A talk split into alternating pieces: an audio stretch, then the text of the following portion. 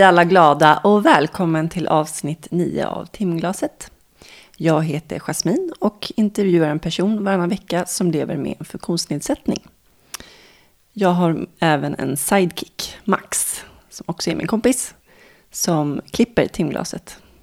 Hej, Hur är läget? det är bara bra. Väldigt trött idag. Du jobbar hårt nu för tiden. Mm. Jag vaknade fyra i morse. Det är helt galet. Jag skulle vara lite tidigt i jobbet. Eftersom jag skulle spela in här på kvällen. Ja, du, när, jag- när börjar du? Jag, jag började vid nio i alla fall, men tänkte att jag skulle vara där innan åtta. Så det gick upp fem. Och sen så kommer dit så ligger datasystemet nere, så jag kan inte börja jobba förrän klockan ett. Gud vad frustrerande. Jaha. Men det är ju ändå jobba att få till datasystemet. Ja, det är inte jag som gör det, det är de som kan det. Och sen jobbar du till fem och sen klockan sju så intervjuar vi. Mm. Så det hård dag. Ja, kan man säga. Fast du verkar ändå på gott humör. Du har ju varit borta några veckor. Jag kom hem i natt ifrån Spanien. Var har du Kopplat varit? av. I Torrevieja. Där jag har lägenhet. Så vi har varit där och kollat på havet och eh, njutit. Och det måste jag berätta, det var lite kul för att, eller kul. Men de frågar ju alltid innan i incheckningen vad man behöver hjälp med. Jämt liksom. Kan du gå? Nej, jag kan inte gå. Kan du ta några steg? Nej, jag kan fortfarande inte gå. Okej. Eh, och sen frågar de, okej, behöver du hjälp? Ja, jag behöver assistans. Och då står det ju ändå i bokningen vad det är för slags hjälp man behöver. Alltid. Man ska alltid säga allting tre gånger. Ja. Eh, men så till slut sa hon på engelska då. Are you completely handicapped? Den var helt ny, den har jag aldrig fått förut. Are you completely handicapped? Är du fullständigt handikappad? Då undrar jag, vad betyder det Max? Vet du det? Jag tror de syftar på att om du kunde gå överhuvudtaget. Då hade jag redan sagt att jag behövde hjälp liksom. Att jag Mm. inte kan gå.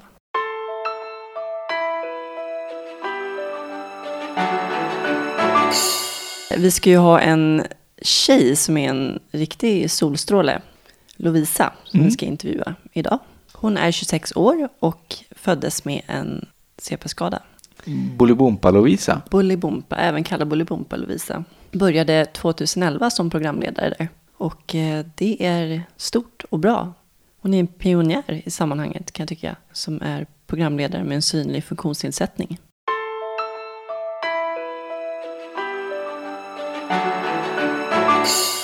Avsnittet görs i samarbete med Atlas Assistans som erbjuder personlig assistans.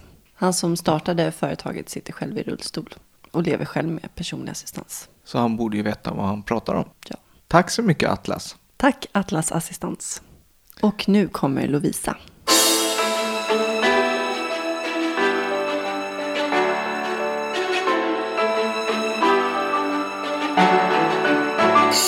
Välkommen till timglaset Lovisa. Ja men tack så mycket. Hur har din dag varit? Vad har du gjort idag? Nej men jag ramlade i trappan sa jag till er förut, men eh, jag har klippt håret. Och sen har jag packat inför lägret som vi ska åka på imorgon. Det var faktiskt det första jag reagerade på att du såg riktigt fräsch ut. Ja, tack. Sommarfräsch. Tack. Så här neonrosa Det gäller att ta det bra liksom och inte tänka så här, såg jag jätteful ut innan då? Men jag tänker, ja tack så mycket. Vad är det för läger du ska på imorgon? Det är barnlägret med RG. Fast först ska vi ha lite sån ledarutbildning så att alla är på samma spår liksom. RG aktiv rehabilitering. Ja! Som har läger för personer med funktionsnedsättning. Mm. Hur länge har du jobbat med det? Oj, länge. Första lägret var äventyrsläger och det var 2007. Så det är 2007, 8, 9. Åttonde sommaren blir det då. Har du själv varit mycket på läger som barn? Inte på RG. Jag har varit på typ ridläger, alltså vanliga läger. Eller vanliga läger. Där, folk går mest. och så. så då har jag varit på konfaläger och ridläger och sånt. Och inte på något sånt där annat. Men du är 26 år. Stämmer det? Eller 27? Ja, 26 år. 26 år. Och född med cerebral pares. Cerebral pares, ja. Yes. ja. Kan du beskriva vad, vad det är för någonting? För mig eller rent generellt? Både liksom? och. Jaha. Eh, då ska vi se, för att förklara det enkelt.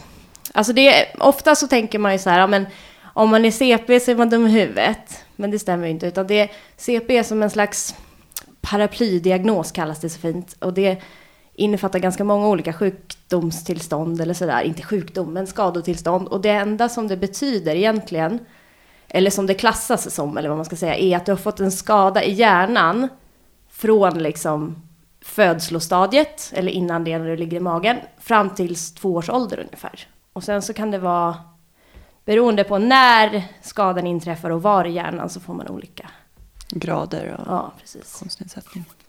För det kan variera ganska kraftigt. Ja, Och i ditt fall, beskriv I mitt fall, jag har då spastisk diplegi eller bilateral spastisk CP som det har bytt namn till nu. Jaha, okej. Och det innebär att jag är spastisk i benen framför allt och sen så är jag lite spastisk i fingrarna också. Och du sitter i rullstol. Och jag sitter i rullstol, ja. Men när du kom in här så sa du, kan jag få en vanlig stol? Ja, jag tycker det blir varmt att sitta i rullstolen och sen tycker jag inte den är så skön heller. Alltså den är jättebra när man ska rulla men inte när man ska sitta still och så. Men din familj har jag förstått det som är en väldigt aktiv sådan. Deras inställning har varit att ingenting är omöjligt för dig eller att du ska få vara Jag ska med, med. på allting. Ja, Berätta lite om din uppväxt och hur den såg ut. hur börjar man då? Nej, men jag... Vart är du född? Jag är född på Kungsholmen. Och sen när jag var ett och ett halvt så flyttade vi ut till Lidingö.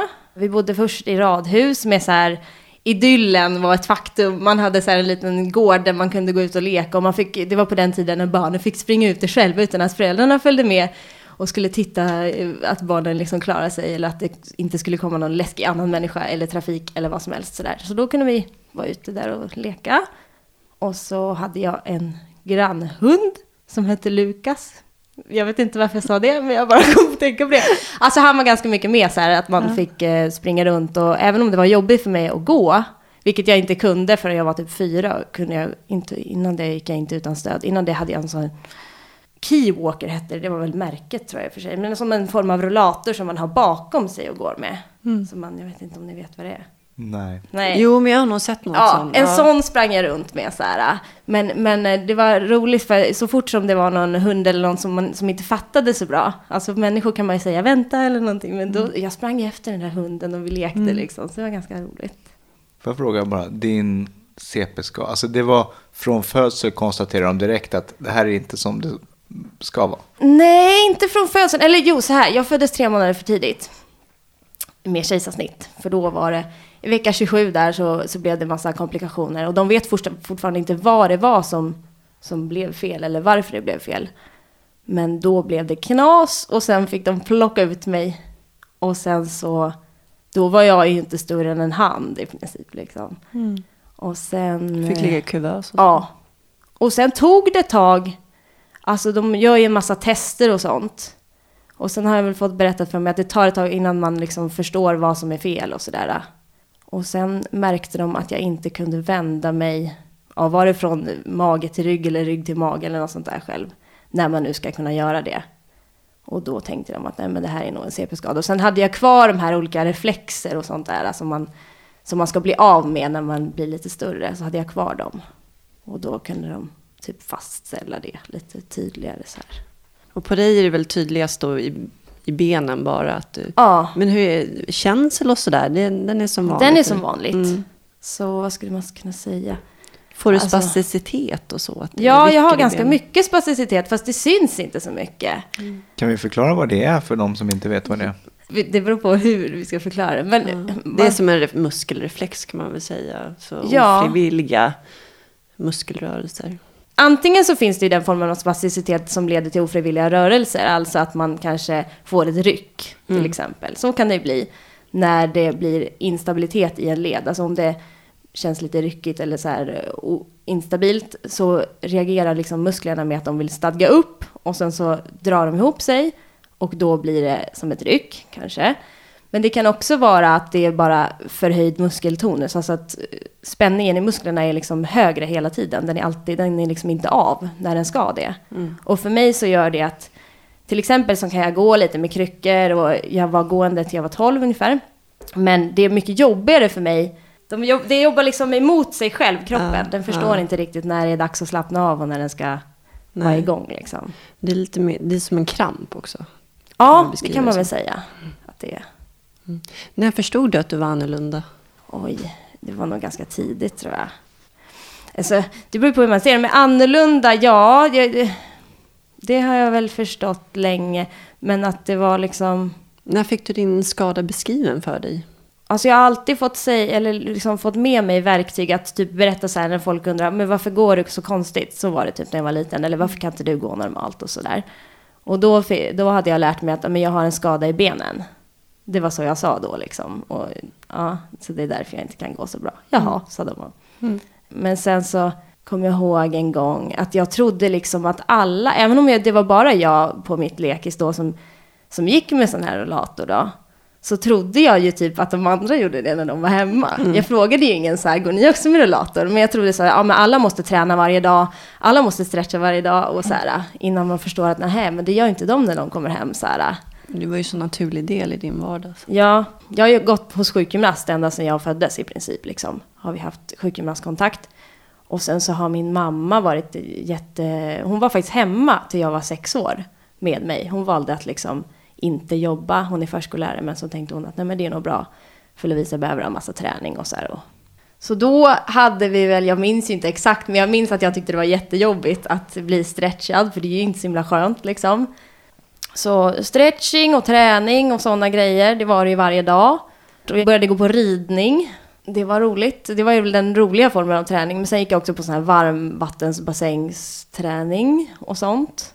Ehm, Du hade ett schema varje dag? Ja, precis. Flera gånger om dagen var det väl när jag var mindre. Alltså jag minns ju inte det här så bra, men jag har fått berättat för mig att det var så i alla fall.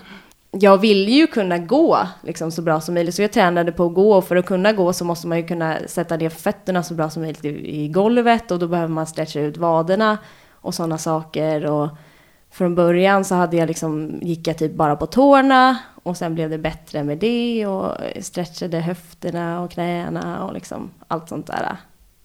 Och nu gör jag inte det lika mycket för nu är jag vuxen så jag orkar inte Det det. finns så mycket andra Nej men det är klart att jag, jag, alltså jag gör väl det men det är inte alls på samma sätt liksom. Men jag är jätteglad att de orkade hålla på och stretcha och greja för att eh, jag har ju sett det själv när jag jobbar på läger att de barnen som inte har tränat de kanske hade kunnat vara på en annan nivå än vad de är idag för om de hade liksom fått träna mer och stretcha mer och få mindre ont och sånt där. Så klara förflyttningar bättre. Alltså jag har alltid kunnat vara ganska rörlig ändå. Även om jag inte har kunnat gå jättebra så har jag alltid liksom kunnat ta mig runt på mitt sätt sådär. Då är det ju bra att du jobbar som ledare nu så du kan föregå med gott exempel. Jo. Men hur förhöll sig dina kompisar till din funktionsnedsättning? Alltså jag har alltid haft så här svin mycket kompisar, så det har inte varit något problem direkt. Alltså de var jättesnälla och så väntade på mig när jag sprang långsammare och typ när vi lekte häst och när vi gjorde alla de här grejerna. Alltså det gick bra liksom. Och vi, vi hjälptes åt jättemycket. Och min syrra när jag var mindre, när, när vi lekte tillsammans, då fix, var hon alltid liksom lite sådär, hon kastade ett öga och kollade att det gick bra och sådär. Det har inte varit något konstigt liksom. För att så länge jag inte har tyckt att det var konstigt så tycker inte de det heller. Och jag har alltid varit så glad hela tiden. Jag fick sagt till det alltid sen när jag var liten och bara Du är så glad Lovisa, du är så glad sa alla. Så förstod inte jag riktigt det. Jag bara, men det är väl klart att man är glad, tänkte jag. Och sen så har jag kollat på sådana gamla home videos som man har och så bara Gud vad glad jag är hela tiden. Så tittar man på alla andra barn och de är så här halvglada. Så kommer jag där och så här på mitt struttiga gående så här så hästsvansen slänger det bak och jag typ går och är glad så här hela tiden. Så, ja, jag var nog ganska glad när jag var liten. Jag är fortfarande glad. Det är du fortfarande. Ja. Men eh, du sa att när du var 12 hamnade du, då var du tvungen Ja. att använda rullstol på heltid. Så att säga. Ja, men precis. Det var några operationer där innan och så här som... Ja, men det är ju svårt det här med att göra bedömningar för hur spastisk någon är och sånt där. Och sen så var det ju på modet mycket med kirurgi när jag var mindre och så gjorde de någon höftoperation där som inte blev något bra och som egentligen skulle vara förebyggande för höftluxation och sånt.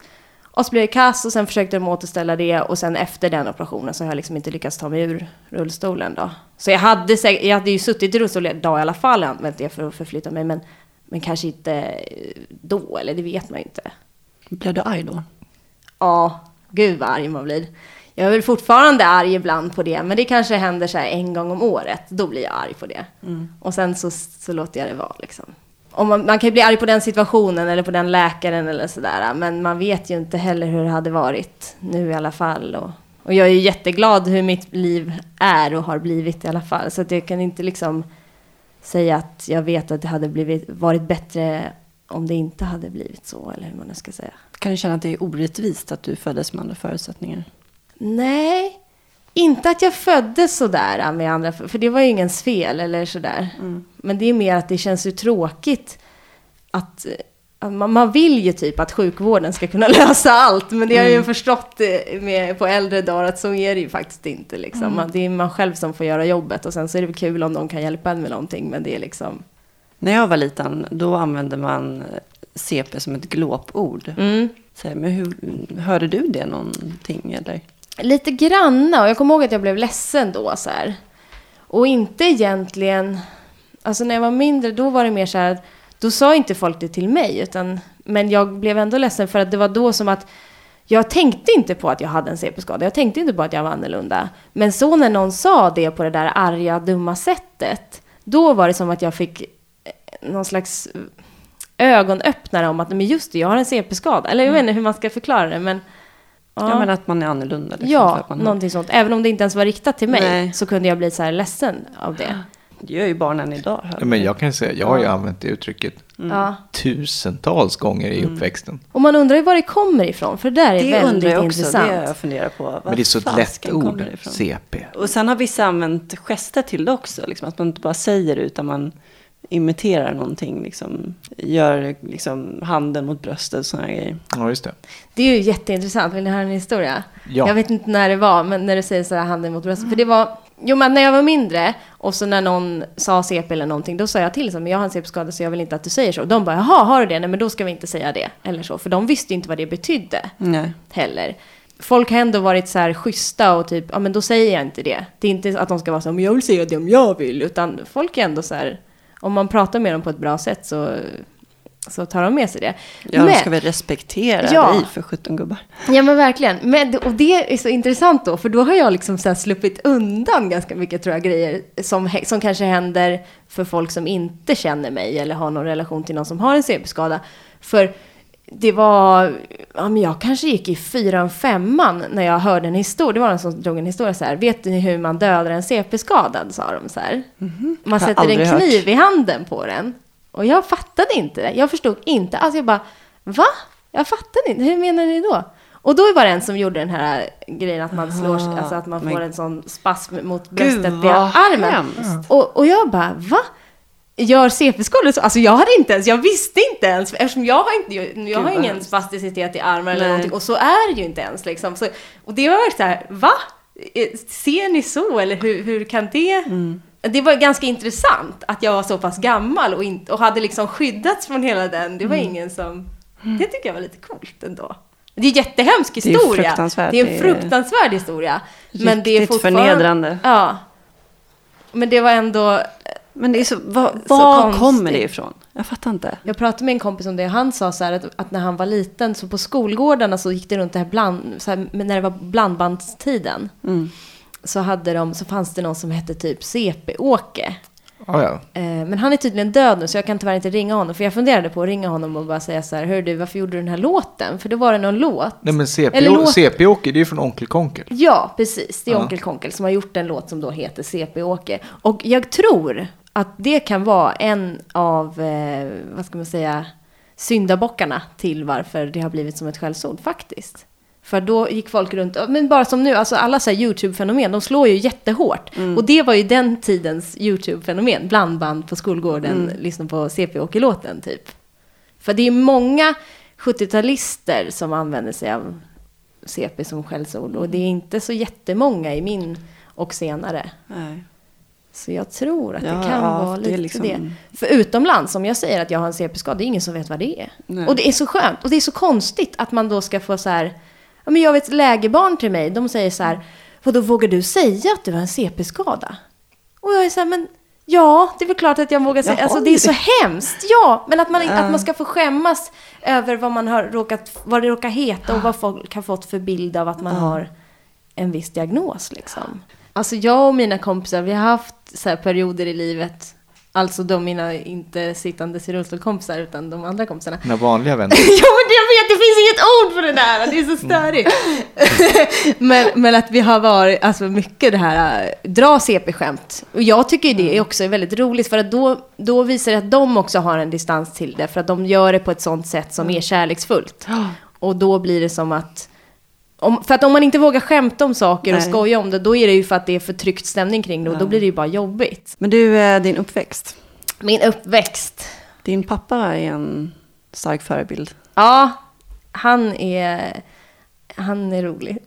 Nej, men, jag vet inte, alltså, vi är väldigt lika i psyket liksom. Så här, eh, eh, vi kör på. Vi, man tänker att man, man har fått livet serverat och då kan man göra så mycket som möjligt roligt. Och om det inte står på en skylt så här, du får inte göra det här, då får man det. Det är skönt. Det är jätteskön inställning så här. Så då har jag så här, vågat ta för mig jämt och vågar prata och säga saker. Och han har alltid sagt så här, men du kan prata för dig. Om det, om det skiter sig med benen eller att du inte kan göra, då är det bara att fråga. Prata på, du har en mun att prata med liksom. Mm. Så att alltid, vet, när vi var små på semester, så, här, så skulle, om, om vi skulle köpa glass, då var vi tvungna att gå och köpa det på det språket som man skulle köpa glassen på. Det, var, det var inte som att de bara, ja men då följer vi med och köper glass. Du får gå och köpa glass själv. Så, så fick man gå dit och försöka köpa glass liksom, eller, och göra grejer. Så att vi, jag har alltid fått så här krav på mig att göra saker. Och det tycker jag, det går ändå väldigt bra hand i hand med att någon tror på en också. För det, alltså genom hela mitt liv egentligen. Det är inte så här att folk har ställt lägre krav typ i skolan eller vad det nu ska vara, utan det har varit samma. Och det är väl det som gör att jag också känner att jag liksom får ta lika mycket plats som alla andra, eller hur man nu ska säga. Det måste ha hjälpt dig mycket. Ja, Har du bra självförtroende? Ja, jo men det har, ja det skulle jag säga. Sen är det klart att det skiftar lite så här, man har väl vissa dåliga dagar, men just självförtroende, alltså så här, självkänslan den kan vara låg ibland, men självförtroende, jag vet ju att jag klarar av saker. Jag har liksom någon slags så här in, alltså det, folk brukar prata om så här inlärd hjälplöshet, och jag tänker att jag har typ tvärt emot vad det nu heter. Men det har jag. Att jag så här fötts med någon slags känsla av att jag som grundinställning ska klara av saker. Du var starkast i klassen och i armbrytning. Ja, ja men det är så här bra. För det man inte, om jag då inte kunde springa fortast, då kunde jag ju bryta ner killarna i armbrytning istället. Så det är så här, jag tror det har varit också jätteviktigt. Att ha sina egna saker som man är bra på, men som ändå någonstans, vad ska man säga, kan mäta sig med det som de andra har. Men sen betyder det nog mycket vad du har för människor runt omkring. Ja. Vad du har fått för stöd från familjen. Ja. Vad de har haft för inställning. Att de inte har varit överbeskyddande heller, det tror jag är väldigt viktigt. Ja, faktiskt. Jag är också hästtjej från början och där var det ju inget mjäk, utan där var man ju bland... Alltså, att veta att man som en liten, liten späd människa som knappt kan gå ordentligt kan vara och liksom eh, umgås med de här stora, stora djuren. Då får man ju också väldigt bra så här, självförtroende och liksom... Men då vågar man ju ta för sig. Man kan inte bara nej lilla hästen, så får du inte göra. Utan man måste liksom ha lite pondus. Och, ja, sådär. I stallet också så här, alla var jättevälkomnande och man hade det här sammanhanget och det var alltid när man öppnade stalldörren så var det både hästarna och människorna där inne kommer så "Åh, Lovisa liksom och alla är glada. Så att jag tror mycket alla de här olika sammanhangen när jag var mindre har gjort att jag liksom har känt mig så här självklar på något sätt.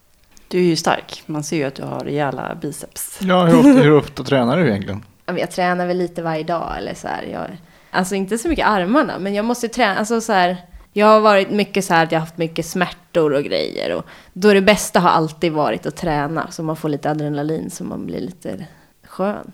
Det är bra. Gymnasiet. Gymnasiet, gymnasiet. Nu, nu ska vi se. Jag gick eh, samhälle med, men, men nu har vi hoppat över. Vad har vi hoppat över? Vi har hoppat över eh, en viktig del och det var Eller har jag kommit på nu i efterhand så här när man har blivit vuxen. Och framförallt med det jobbet som jag har nu. Jag har gått i Adolf Fredriks musikklasser. Jaha, det hade Och ingen det har ju varit en skjuts i rätt riktning kan man ju säga. Hur kom du in på musiken då? Nej, men jag har alltid hållit på och sjungit. Alltså när jag var liten och sådär. Och det här är någon sån här skola som man söker in till till att börja i fyran. Så då sökte jag in dit för att Det är min... ju svårt att komma in där. Mm, kanske är det, jag vet inte. Nej, men alltså det, de tar in ett par stycken liksom. Men det var min musiklärare som hade sagt så här, du ska söka dit, för jag fick alltid sjunga solo och sånt där i lågstadiet. Men du är bra på, du, har ingen, du fick ingen sån här invalidförtur utan du är bra på, Nej, du jag, kan sjunga. jag kan sjunga. Ja.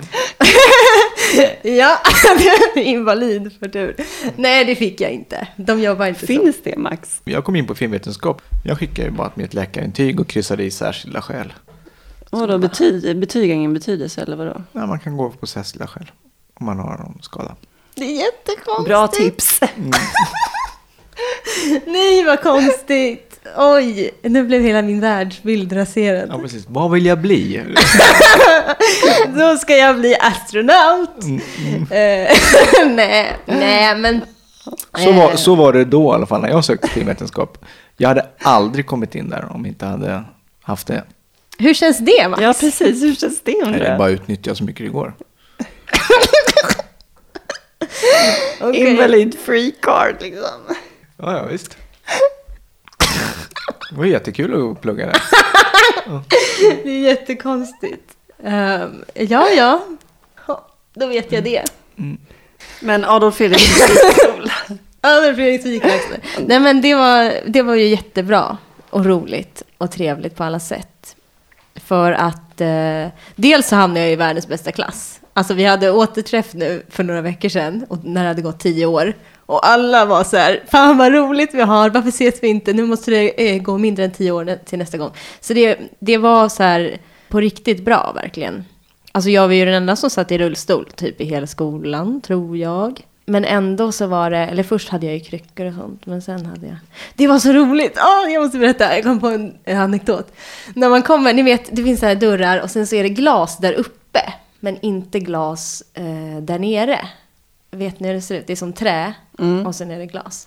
Så då alltid kun- tyckte jag var jätteroligt att skrämmas, för då kommer man i världens fart. Ja, så ser de inte Så ser de inte, så kommer dörren upp så här. det var alltid lika roligt i en av korridorerna där. Ja, det Ja. var roligt. Men hur var Eh, tillgängligheten annars då? det, det fanns ändå ganska många hissar där, så ändå helt okej. Mycket bättre än på gymnasiet, som vi kan komma till sen då.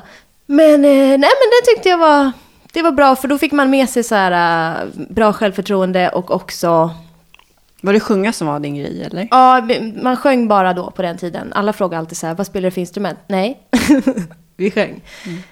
Det var väldigt roligt att få göra någonting tillsammans, liksom allihopa, och någonting vi kände att vi var bra på. Så då fostrades man ju i någon form av så här, tro om att man var ganska bra på något. Det var en väldigt bra skola och det var liksom ingen mobbning eller sådär. Det var jättebra. Och då lärde jag mig också det här med att här, spexa runt och stå på scen och göra sådana saker. Och det är väl det som har varit min utbildning till det jag jobbar med nu. Liksom. Jag har inte gått någon sån utbildning alls. Jag har inte gått någon teater. Inget, inget sånt. Och sen... eh, Och sen var det gymnasiet och där kan vi prata om dålig tillgänglighet. Kärrtorps gymnasium gick jag samhälle med medieinriktning på.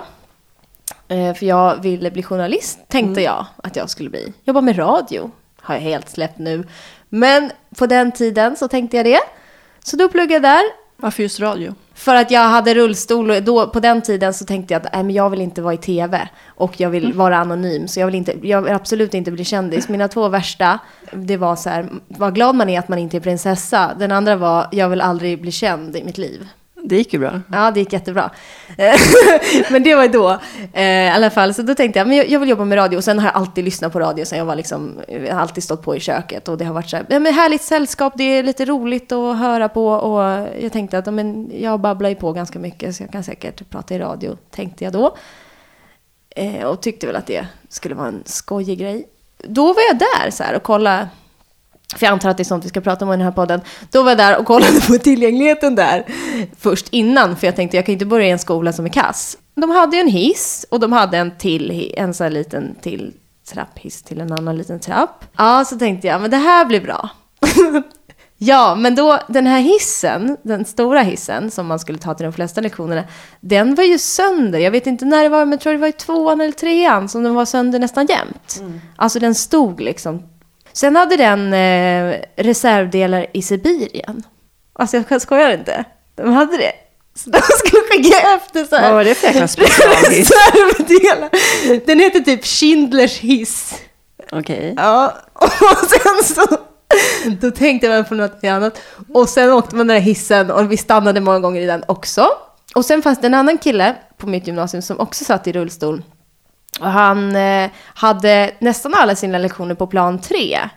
Och han kunde liksom inte gå i trapporna. Jag kunde ju ändå gå i trapporna eh, ändå. Så då fick mina kompisar hjälpa och lyfta rullstolen så fick jag gå upp och så här. Det var inte så kul, men det gick ju ändå bra. Men han fick ju sitta i ett eget klassrum. Nere liksom vid en dator. Man vill ju bara gråta. Snacka om utanförskap. Liksom. Ja, vi gjorde ett eh, reportage i Lilla Aktuellt faktiskt, för jag gjorde prao där. Så då ringde jag dem och jag var så jävla sur. Jag bara, ni måste göra någonting. Media är det enda som har någon makt här. För nu har vi ringt och varit hos rektorn tusen gånger och det är ingen som gör något åt den här jävla hissen. Så då kom de dit i alla fall och sen så, ja, jag vet inte. Men nu har de byggt upp hela skolan. Men det var ju inte så kul, alltså faktiskt. Det tar ju jättemycket energi att varje dag så här eh, innan man kommer till skolan, undrar om hissen kommer funka idag, undrar om det är någon som kommer hjälpa mig. Och det, det var också så här när man var barn, då var det alltid en vuxen som löste allting åt en och hade liksom det som ansvar. Så här, nu, ska vi, nu får vi ha en handlingsplan här så att om hissen är trasig, då kommer inte Lovisa upp. Så då får vi fixa antingen att någon kommer dit och hjälper henne kanske, eller att vi eh, typ schemalägger om lektionerna på något sätt. Nej, men det är det ingen som gör när man är större. Utan då, är, då får man ju lösa det själv. Jag, och jag tycker inte att det är mina kompisar då som ska liksom se till att jag kan komma till mina lektioner. Jag vet inte, men jag tycker faktiskt inte det. Nej, det tycker inte jag heller. Nej. Så det var väl lite tråkigt. Och det lite roliga i det här är också att för att komma upp till rektorn, dit upp finns det inte ens någon hiss. så när jag typ skulle gå upp Skönt och för klaga vid rektorn, ja, då var jag också tvungen att ta hjälp. Fast sen, när jag tog studenten, då, då gick jag, det, då hade vi en sån slutskiva. Så gick jag fram, då var också stu, han rektorn där så här. Så sa jag så här, ja hörru du, den här hissen har inte funkat så bra. Jag tycker du skyller mig en drink. Då sa han, vad vill du ha? Så då kände jag ändå, okej då. Ja, Nu är det förlåten. Men det var så här, det var jättedålig tid.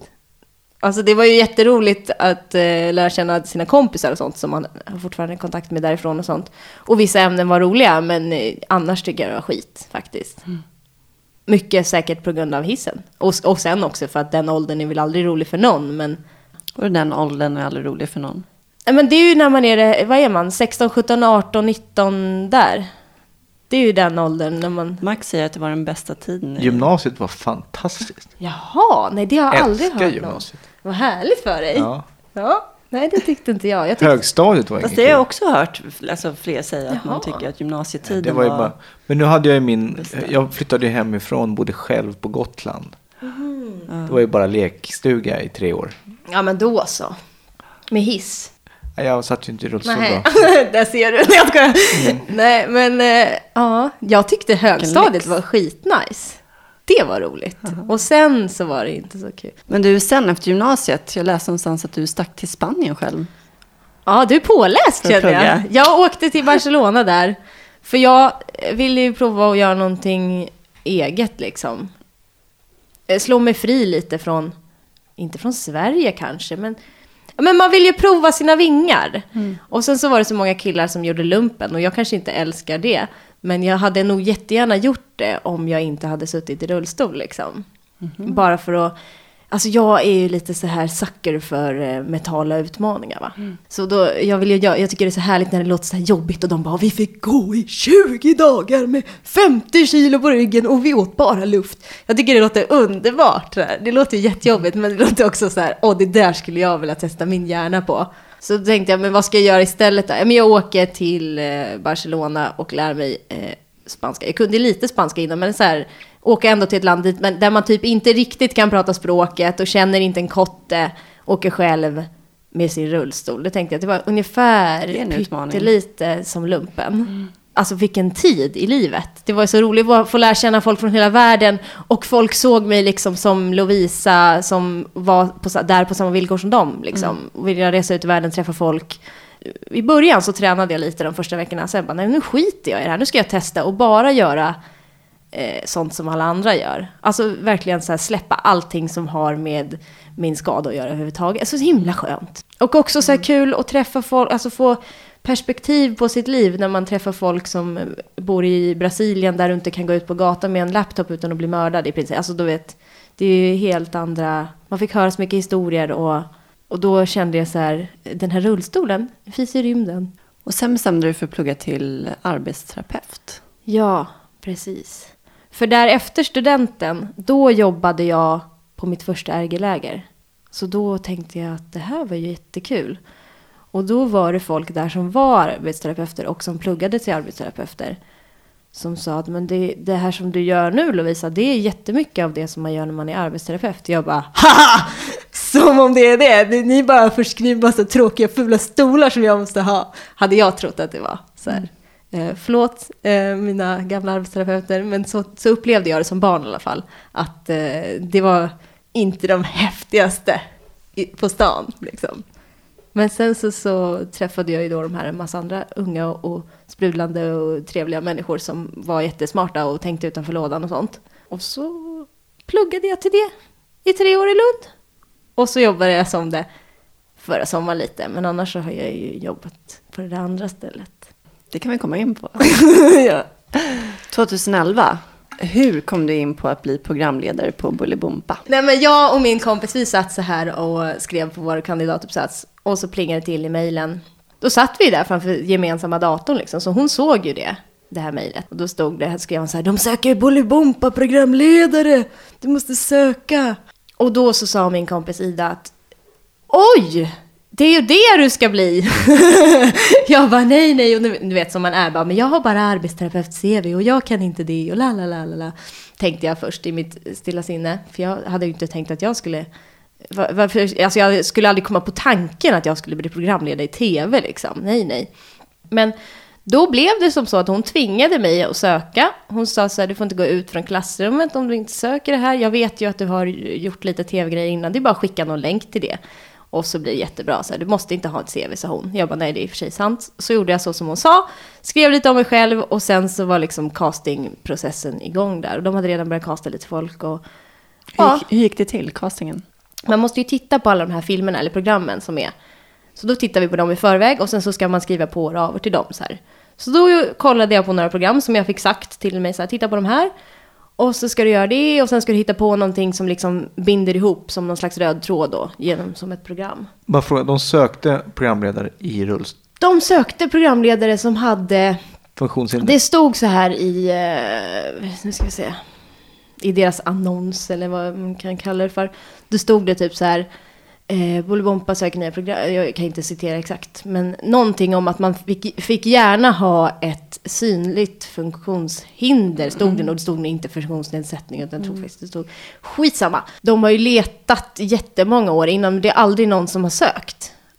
För att eh, jag tror inte, man har det kommit ut då? Liksom, för att man har ju inte hört talas om det direkt, att de söker det. Nej, men alltså de har sökt för, nej, nej men precis. För att de har ju väl kanske velat att det skulle komma av sig själv.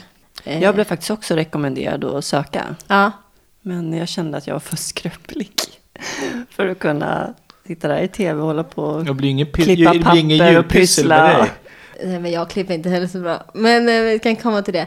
Klipper bättre än vad vi gör. Ja, men det här är faktiskt intressant. För att jag, jag har alltid fått sagt så här, uh, alltså eftersom att det ingår i min, vad ska man säga, skada så, att jag har sämre eller nedsatt finmotorik och så, vilket jag har. Men jag har inte tänkt på det så mycket i min vardag. Jag har lite svårt, alltså det tar mycket längre tid för mig till exempel när jag ska spela gitarr och så här, och det, fingrarna gör inte riktigt som jag vill och sånt. Men jag har kämpat på, så jag har lärt mig det lite grann i alla fall.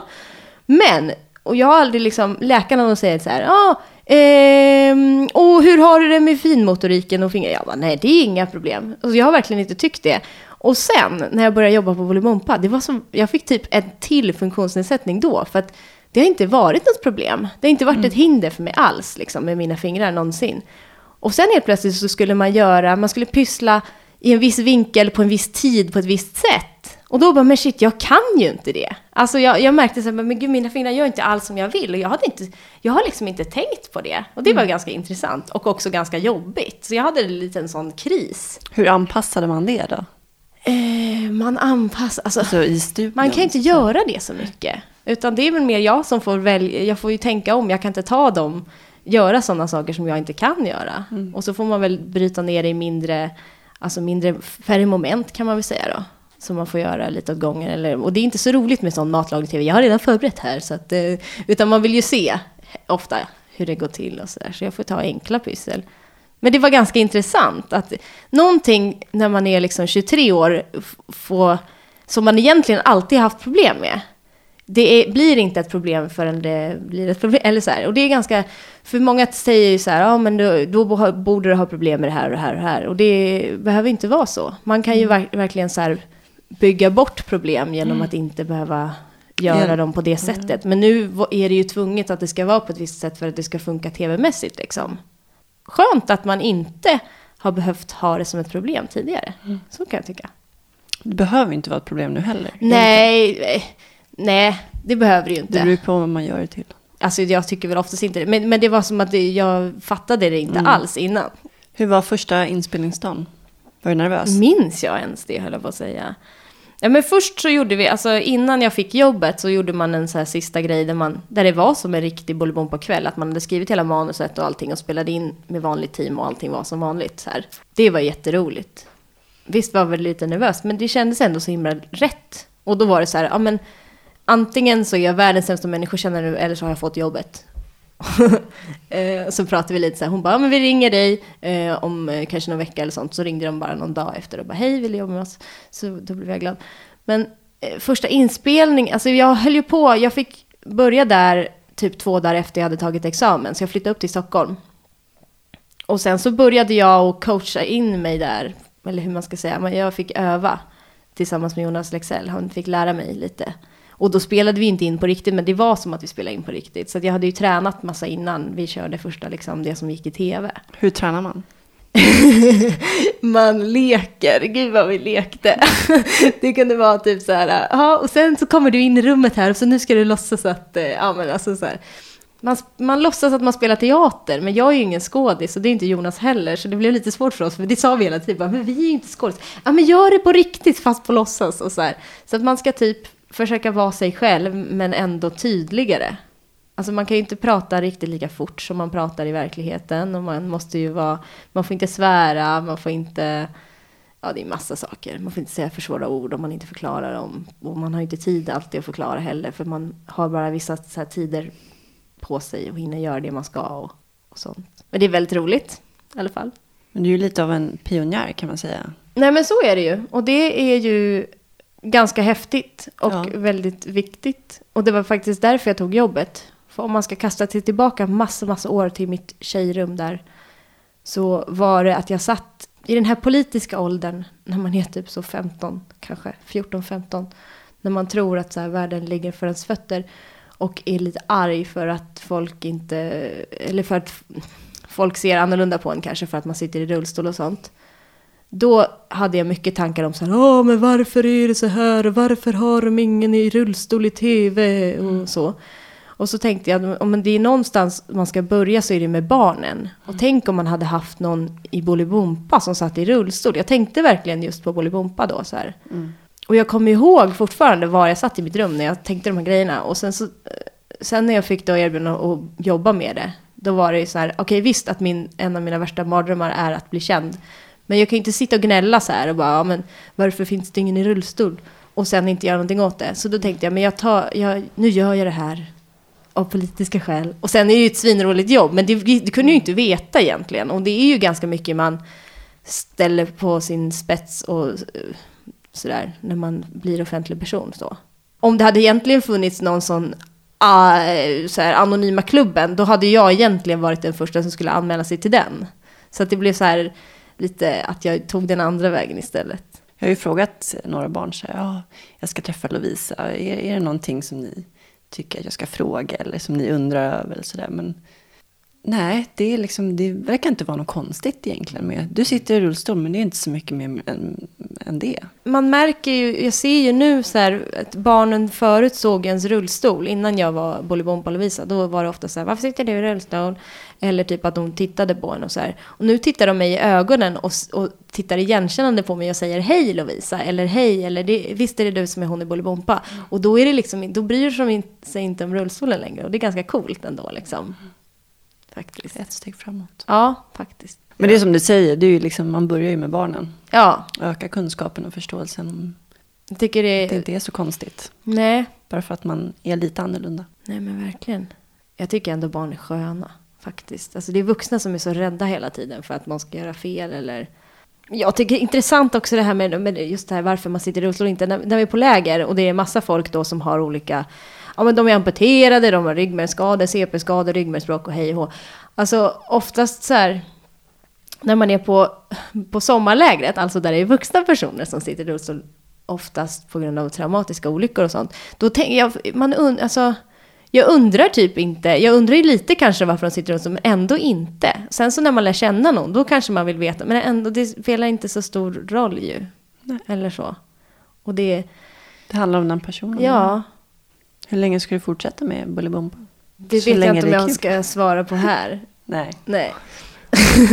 Men som det ser ut nu i alla fall så ska du Jag ska fortsätta, fortsätta vara, ett tag till, ja. vara Bolibompa Lovisa. Absolut, det ska jag vara.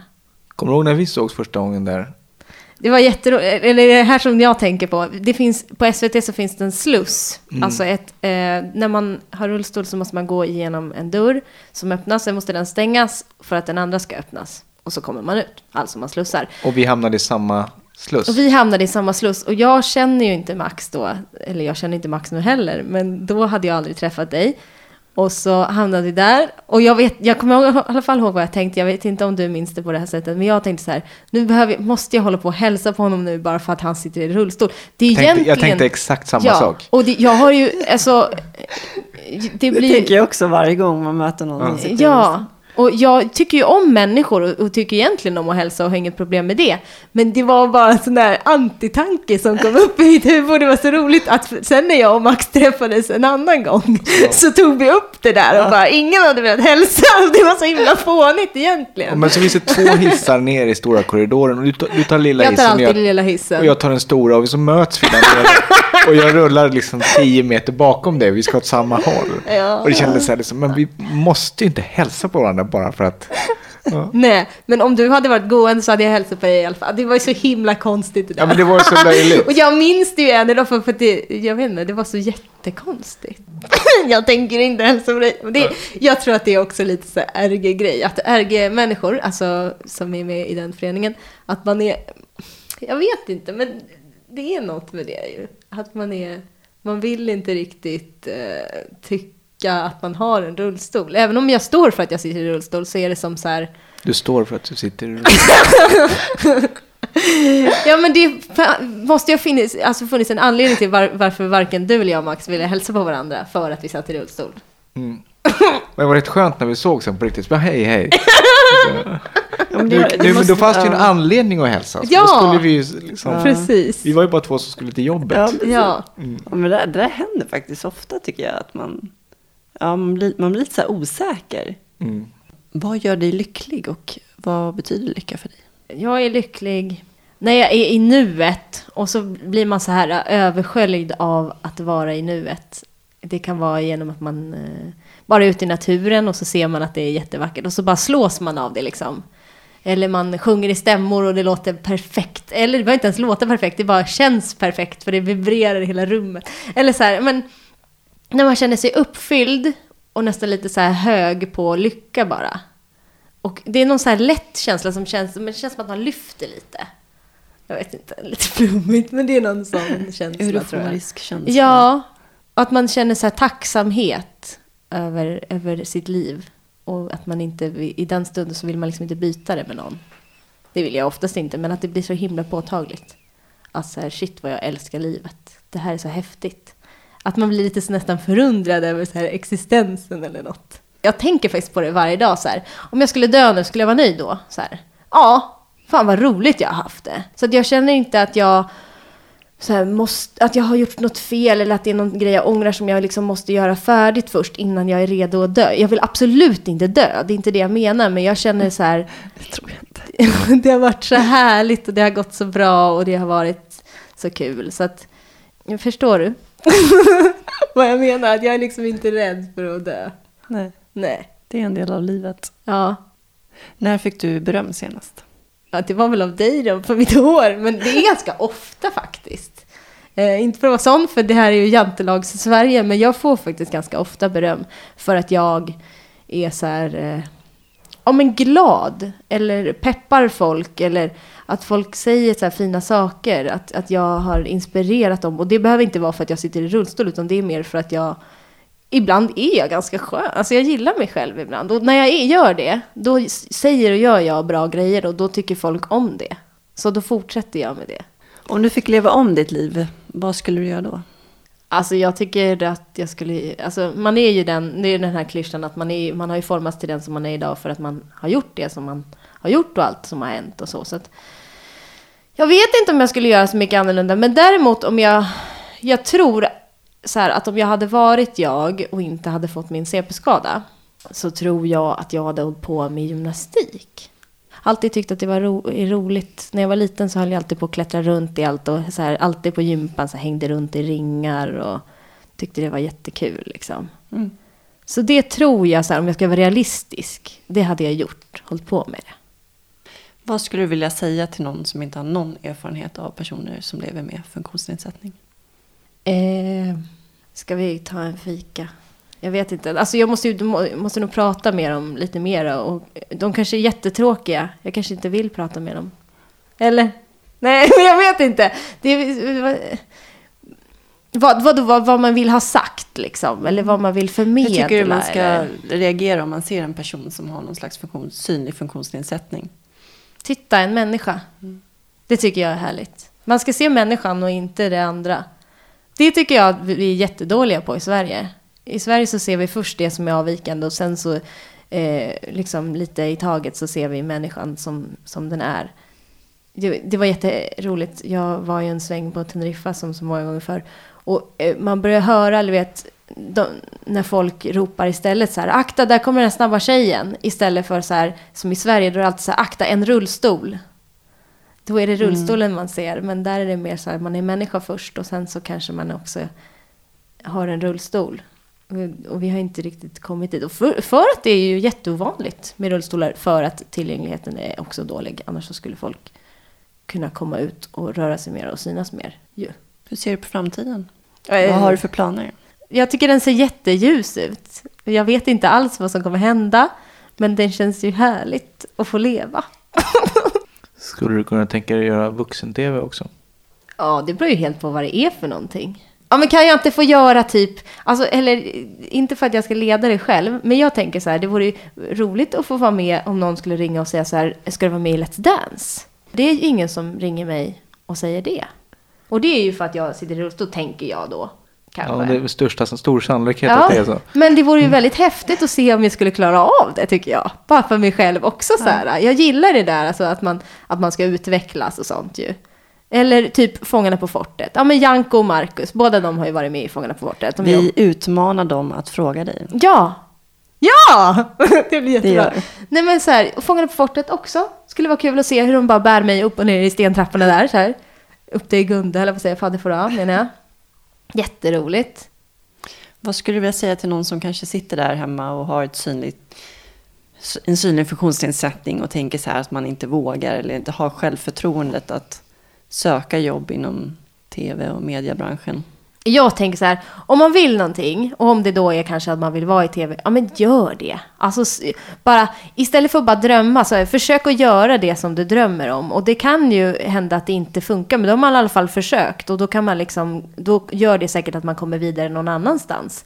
Än att man bara sitter och liksom, ja men det är så häftigt att leva och då kan man bara prova och göra det man vill ju. Det finns ju ingenting som heter att misslyckas. Misslyckas är ju bara någon slags tolkning av det som har hänt, tycker jag. Tack Lovisa. Tack så mycket.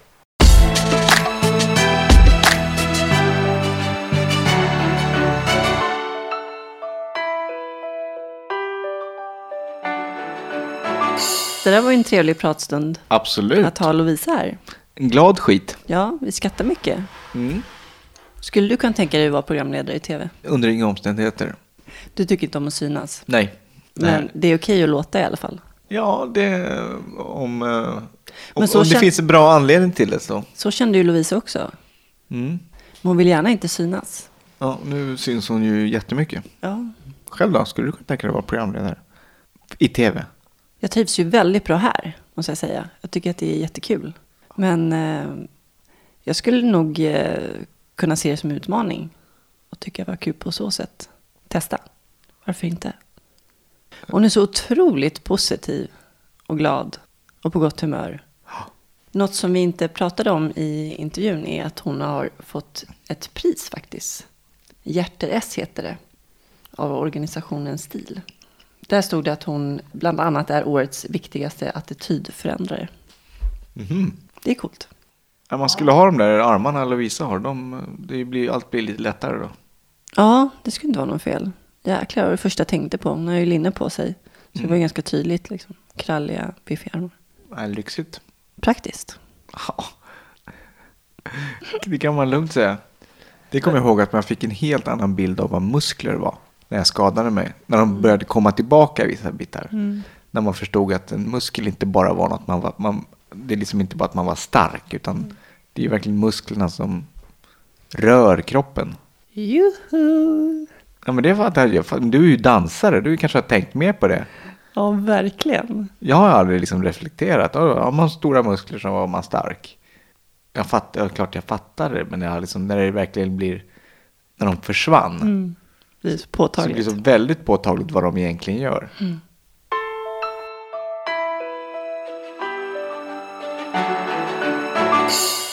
Vi har en hemsida, timglasetpodd.se. Och ni kan kontakta oss via kontakt timglasetpodd.se.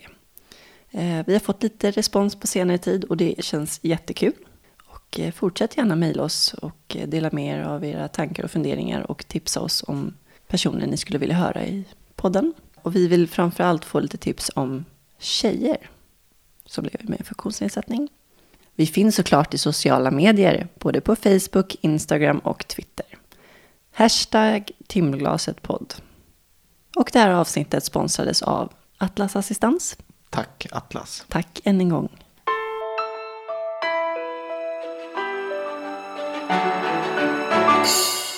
I nästa avsnitt, som är säsongsavslutning, får ni möta Claes Huddling. Han är grundaren till Stiftelsen Spinalis och Spinaliskliniken. Han skadade sig för 30 år sedan i en dykolycka efter en dag på jobbet som narkosläkare. Claes är även min chef och mentor och eh, förebild. Njut av sommaren så hörs vi igen om två veckor. Ha det gott. Ha det bra. Hej då.